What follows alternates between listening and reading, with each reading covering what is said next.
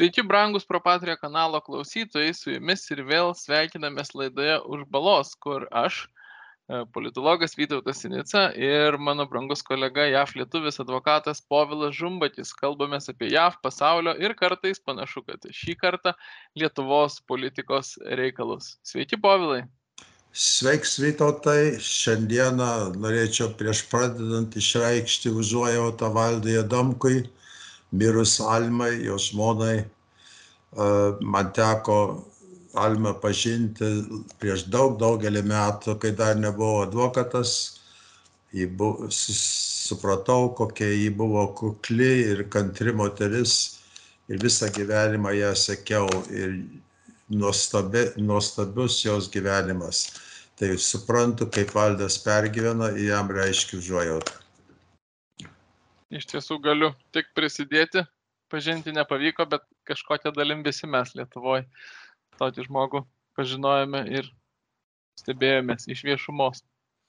O šiandieną, Vytautai, aš norėčiau mūsų pusiai prūdo, e, kyla klausimas, kas dedasi Lietuvoje.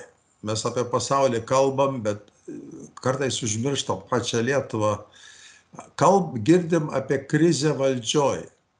Ar tu galėtum mums paaiškinti, kokia ta krizė yra ir daleiskim, kaip tas paveiks NATO suvažiavimą Liepos mėnesį Vilniui? E, krizė valdžioje iš tikrųjų Lietuvoje dabar dažnai linksniuojama ir plačiai skamba, bet aš tai drįščiau sakyti, kad tai yra gan išpūstas burbulas. Ji turi tam tikrą objektyvų pagrindą, tas pagrindas yra žiniasklaidoje nuvilnyje Laisvės TV tokios internetinės televizijos komandos e, tyrimai apie tai, kaip e, savivaldybė, savivaldybių tarybų nariai leidžia savo kanceliarinės lėšas. Nes visos savivaldybės turi tokias lėšas, ten po kažkiek vienur daugiau, kitur mažiau, pačios nusistato, kaip reikia jas leisti ir kaip už jas atsiskaityti. Ir paaiškėjo, kad visi, na, kaip visose savivaldybėse ir faktiškai visose parlamentinėse partijose buvo uh, tų, kurie, na, tiesiog e, fiktyvius čekiukus rinko ir taip jau praminta čekiukų skandalu, e, rinko fiktyvius čekiukus tam, kad tiesiog išsigrynintų tuos pinigus kaip priedą prie algos ir, na, kaip taip ir traktavo, kaip tokią neformalią algos dalį, priedą. Ir tas reiškinys, nors sumos prasme tai nėra labai dideliai ištaškyti pinigai, bet e, savo pobūdžiu jis yra labai jautrus. Žmonės gali palyginti, jie supranta, kiek jie leidžia ten, tarkim, telekomunikacijoms arba kūrui arba dar kažkam. Ir kai pamatė tos e, netikras sąskaitas su šimtais ir tūkstančiais už kūrą ir, ir už ten kokio interneto ryšį, tai tikrai, na, piktis visuomenėje kilo ir ne vienodai palėtė skirtingas partijas, nors tikrai, kaip minėjau, panašu, kad visose parlamentinėse partijose buvo tų, kas taip darė, bet e, labiausiai tai palėtė konservatorius, nes e, jų ministrai dabartiniai anksčiau buvę tarybos nariais irgi tikrai taip darė. Ir, na, pareikalautų jų atsistatydinimo, o mūsų, ir čia prasideda ta įdomioji dalis, kur tampa nebeaišku, kodėl taip eskalavosi, mūsų premjerė dabartinė Ingrida Šimonytė yra gan užsispyrusiai nusteikusi, kad jos kabinete ministrai nesikeis ir jokių atsistatydinimų nebus. Ir gan tvirtai stojo ginti iš pradžių, ten pirmiausia švietimo ministrai Šiukždinienė kilo tas skandalas, e, o po to metėsi į tokį kitą kraštutinumą, kad sako, jeigu taip, tai tada, ta prasme, jeigu jūs reikalaujat kažkokios kalties pripažinimo, atsakomybės ir atsistatydinimo iš ministrės, tai tada mes visi trauksimės. Ir turėtų trauktis ne tik vyriausybė, bet ir Seimas, nes Seime jie paskaičiavo yra 52 buvę tarybų nariai, Na ir visi juk naudojusi tais čekiukais tom kanceliariniam lėšom. Ir čia tas šuolis nuo to, kad net ministrė neturi atsistatydinti, iki to, kad turi būti prieš laikiniai Seimo rinkimai ir pasileisti Seimas, nu to šuolio niekas nesupranta. Žmonės, mano supratimu, bent jau mano aplinkoje nelabai supranta, politologai nelabai supranta, vienintelis būdas, kaip jį galima suprasti, na, du būdai bent aš juos matau. Vienas tai yra didelis kaprizas, toks kaip įsižeidusio žmogaus, šiuo atveju Gabrieliaus Landsbergio ir premjerės, kad, na, čia mus žaidžia ir mes jums parodysim. E, bet kitas yra toks, kaip čia pasakius, iš, išplovimas atsakomybės, e, kai jeigu yra puolama dabar, sutinku, kad iš dalies neproporcingai Tevinė sąjunga, kadangi jos būtent ministrai papuolė ir tai yra aplinkybės, o ne kažkas, jos ministrai papuolė į tą situaciją ir iš jų reikalavimo atsistatydinimo dėl to skandalo, kuris kaip ir liečia daug partijų, e, tai jie nori gražinti tą situaciją, kad būtų visų problema po lygiai ir sako, čia sisteminė problema. Ir kadangi liečia visas frakcijas, tai visi turi ir pasileisti. Ne va tada kažkaip atsistatys pasitikėjimas, politinė sistema ir, ir, ir, ir na, persikraus, kaip jie vartoja tą žodį, persikraus sistema. E, tai kelia daug klausimų ir daug šypsenų ir na, neįtikina, tiesą sakant, nieko. Aš linkęs manyti, kad kitos partijos nepasirašys, nes čia dar vienas momentas, jeigu turit kantrybės. Mhm. Pora būdų pasileisti parlamentui. Vienas yra nepasitikėjimas vyriausybė, tam reiktų 71 balsų. E, premjerė ateina į Seimą ir klausia, ar, ar vis dar turiu pasitikėjimą ir Seimas balsuoja, jeigu 71 prieš, tai vyriausybė pasileidžia ir susidaro prielaidos ir, ir Seimui paleisti. Jeigu ne, šito kelio premjerė nenori, jinai sako, į šitą Seimą aš tikrintis neįsiu, suprask, Seimas yra blogas, tas ir intonacijose buvo girdėti. Na, bėda ta, kad tas pats Seimas puikiai tiko, kai reikėjo ją patvirtinti, premjerę ir jos kabinetą ir programą. Kitas būdas, kurio siekia konservatoriai, yra tas būdas, kad pats Seimas, kaip e, aukščiausioji taryba savo laiku, e, pasileistų pats. Tam reikia 85 balsų. Šitas būdas pašalintų tą tokį tarsi kalties elementą. Niekas ne, nepasitikėtų vyriausybė. Seimas tiesiog pats save apkaltintų ir paleistų. Tai šituo būdu norėtų eiti konservatoriai, bet netrodo, kad bus daug norinčių tą daryti. Nes tarsi ir socdemai norėjo, nes jų reitingai geri, jiems patiktų dabar rinkimai, bet tada tas pats skandalas pasivijo ir jų potencialų premjerą, tokį Sinkevičių, Jonavos merą, kuris pasirodo, bent jau kaip teigia kritikai, du televizorius nusipirko iš tų čekiukų kanceliarinių lėšų. Na, tokie žaidimai. Ir, galiu pertraukti, galiu pertraukti truputį vytą. Klausimas yra, ar, ar šitie pinigų išnaudojimai, kas vyksta visose valdžiose, aišku, ir Amerikoje, Amerikoje tik tai pridėkit daug, daug nulių prie tų sumų. Ar tai yra kriminalinis nusikaltimas, ar yra kokie nors kriminaliniai patikrinimai, tyrimai? E, jie vyksta ir vyks e, kažkuriuo mastu, kai kur taip bus, e, bet kaip čia pasakius, dabar yra įtampa tarp atotrukis tiksliau tarp teisinės ir politinės atsakomybės.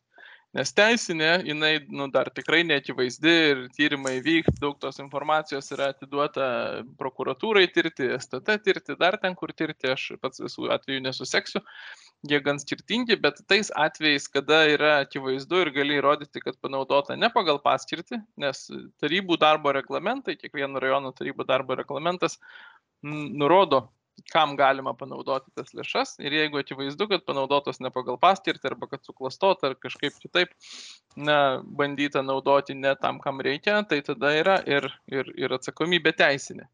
Bet šalia teisinės yra politinė. Ir pradėjo vienas po kito ir viena ministrė ir įvairūs kiti tarybų nariai gražinėti lėšas ir tai irgi truputį komiška, pervedinėja dabar ir, nu, Kaune vienas verslininkas, tai jam tas yra paprasta, bet pavyzdžiui, tenoje jauna mergaitė už mane jaunesnė e, pervedinėja po 20 tūkstančių eurų vienu kartu ir rašo Facebook'e savo socialiniam tinkle, kad va, atsiprašau, ten netvarkingai nerinkau tų čekiukų, netvarkingai viską vedžiau, bet dabar nors nieko blogo nepadariau, bet kadangi tai kelia įtarimų ir užtraukia čia man tokią nešlovę, tai noriu nuraminti visus ir, ir gražinti tuos pasisavintus pinigus. Ir perveda 20 tūkstančių.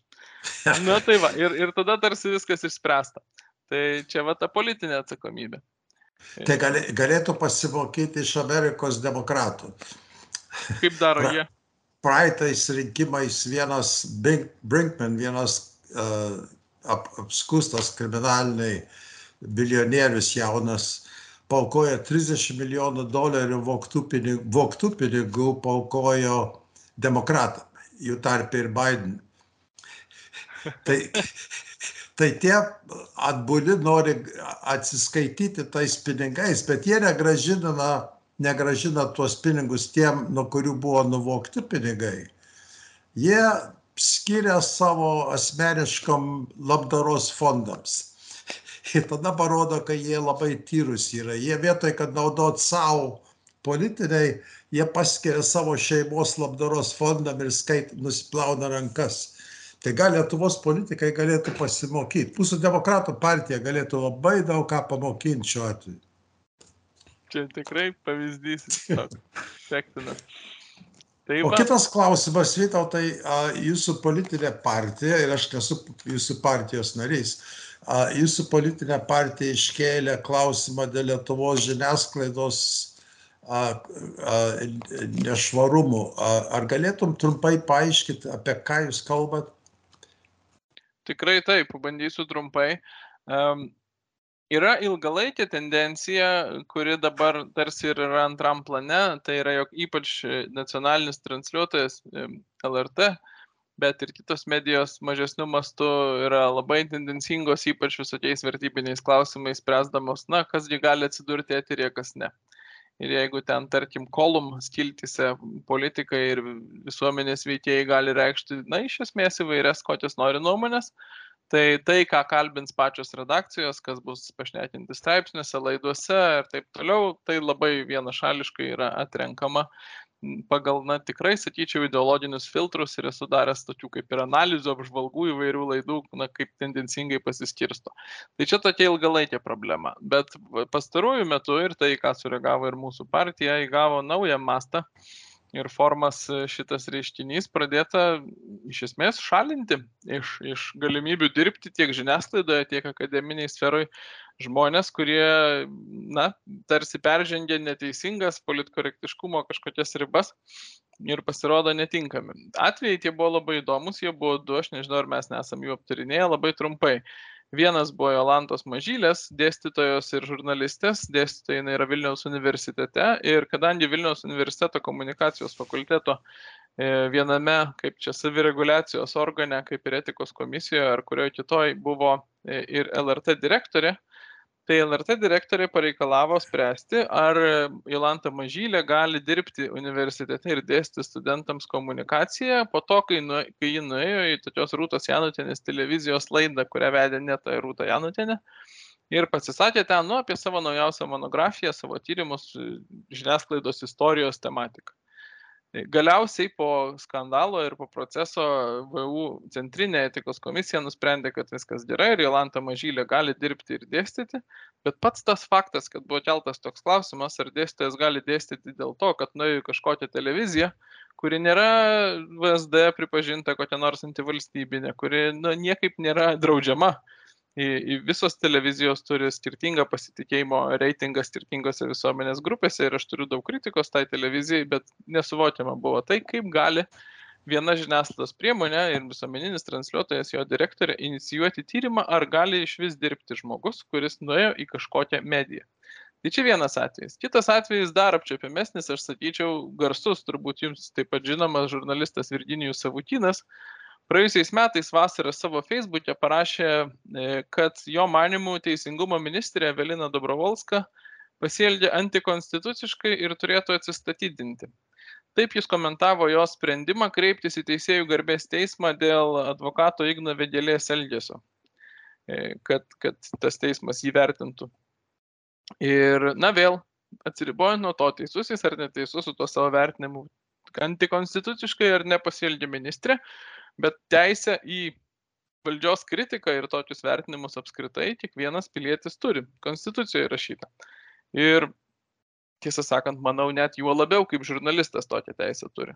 Bet pasirodo, kad LRT savo tik savo taikomame žurnalistų etikos kodekse, nes yra nacionalinis taikomas visiems žurnalistam ir yra LRT savo vidaus taikymui, yra nusimačiusi neprisiminsiu kelintą straipsnį kuris sako kad žurnalistai negali šališkai kritikuoti politikų sprendimų. Ir turbūt pats kaip teisininkas suprantat kokio begalinio abstraktumo ir lankstumo yra šita norma ką reiškia tas šališkai kritikuoti. Ir tokia ir yra praktika. Savukynas buvo pirmasis kuriam ją pritaikė tą straipsnį nors visiems iškart na badė akis ir kritikams ir ir palaikantiems ir liberaliems ir konservatyviems kad na daug lrt žurnalistų kuo garsesnis kuo labiau na turintis vardą ir besireiškiantis pats su savo nuomone žurnalistas tuo daugiau jis yra kritikavęs valdžią. Ir lrt pilna tokių žurnalistų bet Savutinas buvo pirmasis. Taigi ta norma, ji prieštarauja konstitucijai mano įstikinimu visiškai, bet ir jos taikymas LRT yra labai selektyvus. Ir, na, čia jau tada belieka tik tai klausimas, aš nepulsiu to įrodinėti dabar, bet kad vis dėlto tas selektyvus taikymas yra nukreiptas pagal pažiūras. Savutinas pastaruoju metu vis daugiau išnekėjo taip, kaip negalima, migracijos temom, kritikuodamas valdžią, kritikuodamas progresą, primindamas tokius nugyvenusius dalykus kaip patriotizmas ir panašiai. Ir štai galiausiai susilaukė tokio vertinimo. Tai šitie du dalykai, pavyzdžiai, jie padeda šiaip Lietuvos visuomenė nejaučia to cancel culture, taip vadinamo ideologinės cenzūros reiškinio. Mm, gal socialiniuose tinkluose, kur ten mus visus vis apriboja, už, užblokuoja ir dar kažką padaro, bet apskritai žmonės menkai mato tą dalyką. Ir štai šitie pora pavyzdžių šių metų pradžioje, jie padeda pagaliau pamatyti. O aš turiu vieną klausimą, kaip pats sakai, LTR, tai yra Lietuvos radija, teisingai? Lietuvos radijas ir televizija, bet dabar jie išplėtojo ir internetinę savo svetainę. Ir jie yra finansuojami valdžios, teisingai?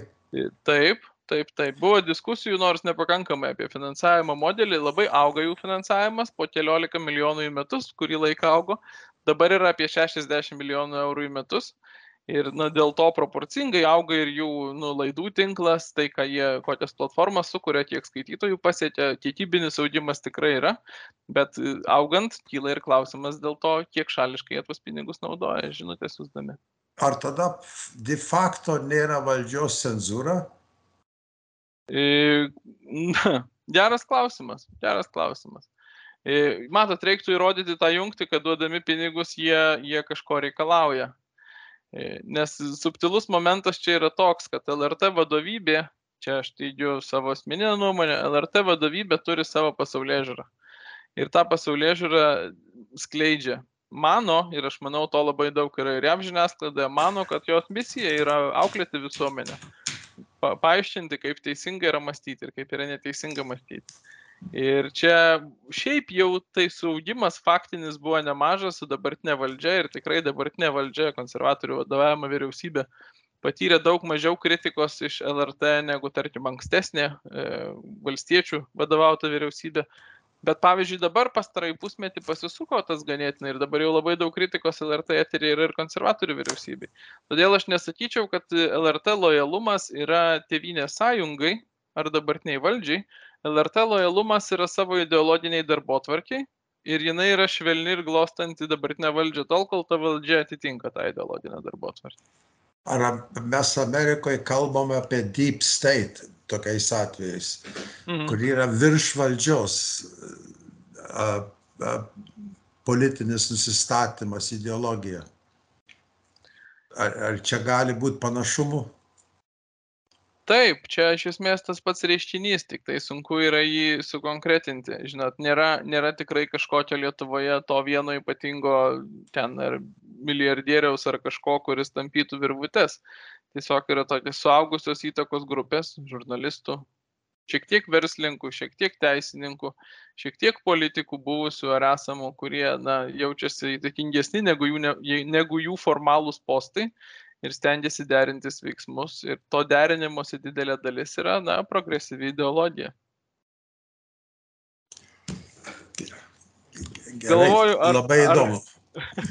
Skiriam turbūt didesnę dalį laiko mūsų laidos Lietuvai, gal klausytojai mum atleis, bet e, man vis tiek norisi ir apie vieną mažų mažiausiai įvykį JAV gyvenime pasišnekėti. Kol kas vėlgi mūsų žiniasklaida apie tai beveik nieko, bet socialiniuose tinkluose skaito, matom, girdim. E, Durham Report pasirodė štai toks dokumentas e, ir vėlgi ypač respublikonai jį na, plačiai linksniuoja, mato jame daug svarbos, demokratai linkia nutilėti, kas tai yra per dokumentas, kieno jis yra ir kokios yra jo pasiekmes, ką jisai sako, e, kas yra svarbaus jame JAF ir ne tik JAF gyvenime.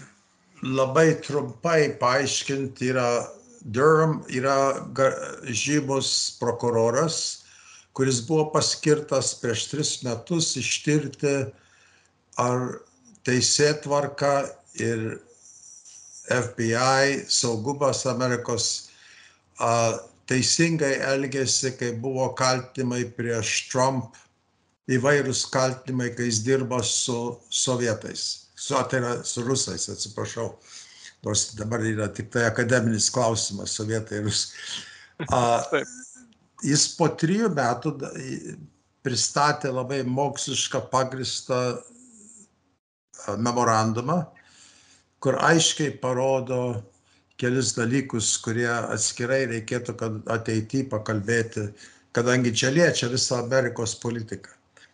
Pirmiausia, jis parodo, kad 2016 metais, kai buvo Amerikos kompanijos e, prezidentūros rinkimai tarp Clintoninės ir Trump, Clintoninė naudojosi agentūrom, kurios dirbo su Rusija, sukelti nerimą prieš Trump. Valdžia, FBI ir Department of Justice, tai yra mūsų visa aukščiausia prokuratūra, priėmė tą informaciją iš Clintoninės ir pradėjo tyrimus prieš Trump. Vietoj, kad tyrimus darytų prieš Clintoninę, tyrimai buvo nukreipti prieš Trump ir visais būdais bandė tos oficialios valdžios agentūros paveikti rinkimus, kad Trump pralaimėtų. Kaltindami jie, kad jis dirba su Putinu, kad jis dirba su Rusija ir panašiai. Visas tas, visa ta veikla vyko neoficialiai, bet agentūrose, valdžios agentūrose ir buvo pranešti rezultatai prezidentui Obamai ir viceprezidentui Biden. Po to paaiškėjo, kad už keturių metų, kai buvo rinkimai tarp Biden ir Trump, vėl tos agentūros dirbo kartu, kad nepatektų į prezidentus Trump. Ir aiškiai parodė, kaip jie paveikė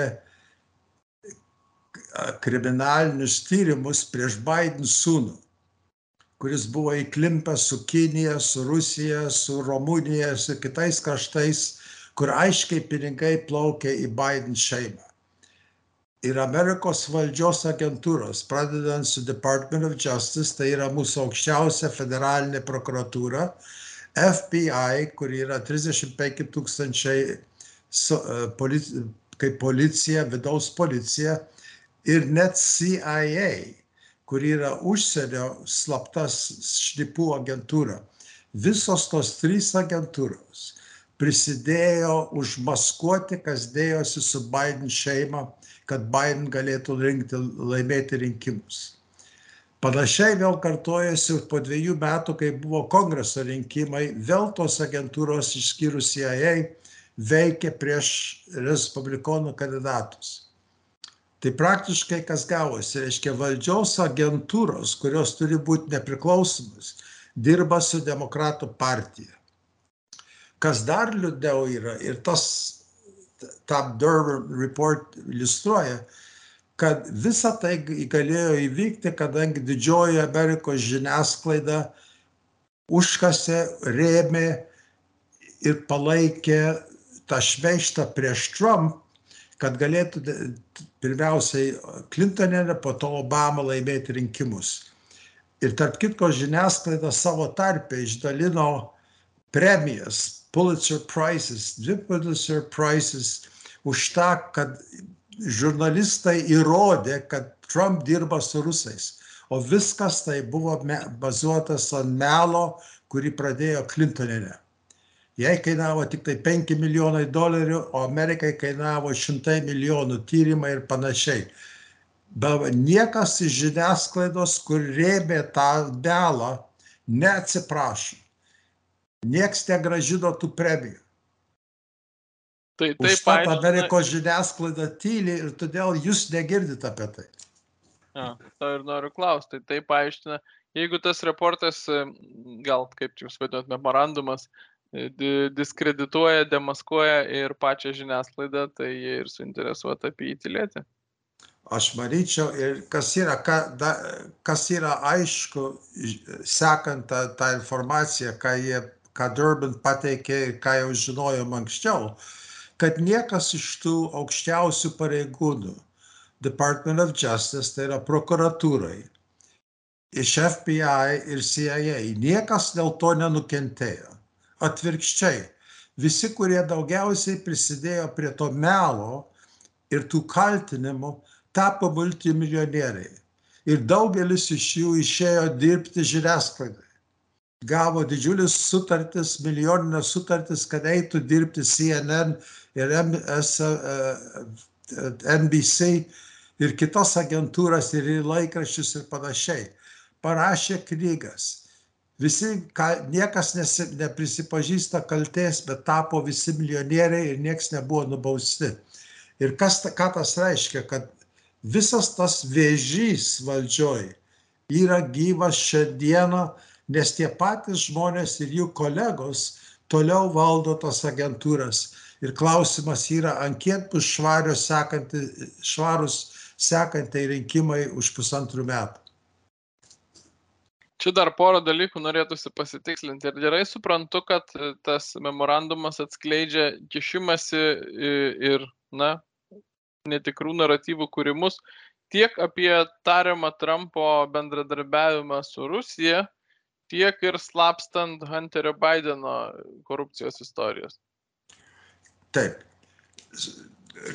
Aš manyčiau, kad dabar turėtų žiniasklaida atkreipti rimtą, rimtą dėmesį, kadangi Amerikos kongresas atstovų rūmai dabar yra kontroliuojami respublikonų pagaliau po dviejų, po dviejų metų ir jie pradėjo labai rimtus tyrimus, ant kiek Biden šeima gavo, švelniau negalima pasakyti, bet yra kišiai kurie atėjo per sūnų, per jos organizuotas korporacijas. Kad galėtų klausytojai truputį įsivaizduoti, kaip tas vyko. Daleiskim kokią komunistų partijos firmą Kinijoje. Duoda milijoną dolerių Biden sūnui. Jie neduoda jam tiesioginiai.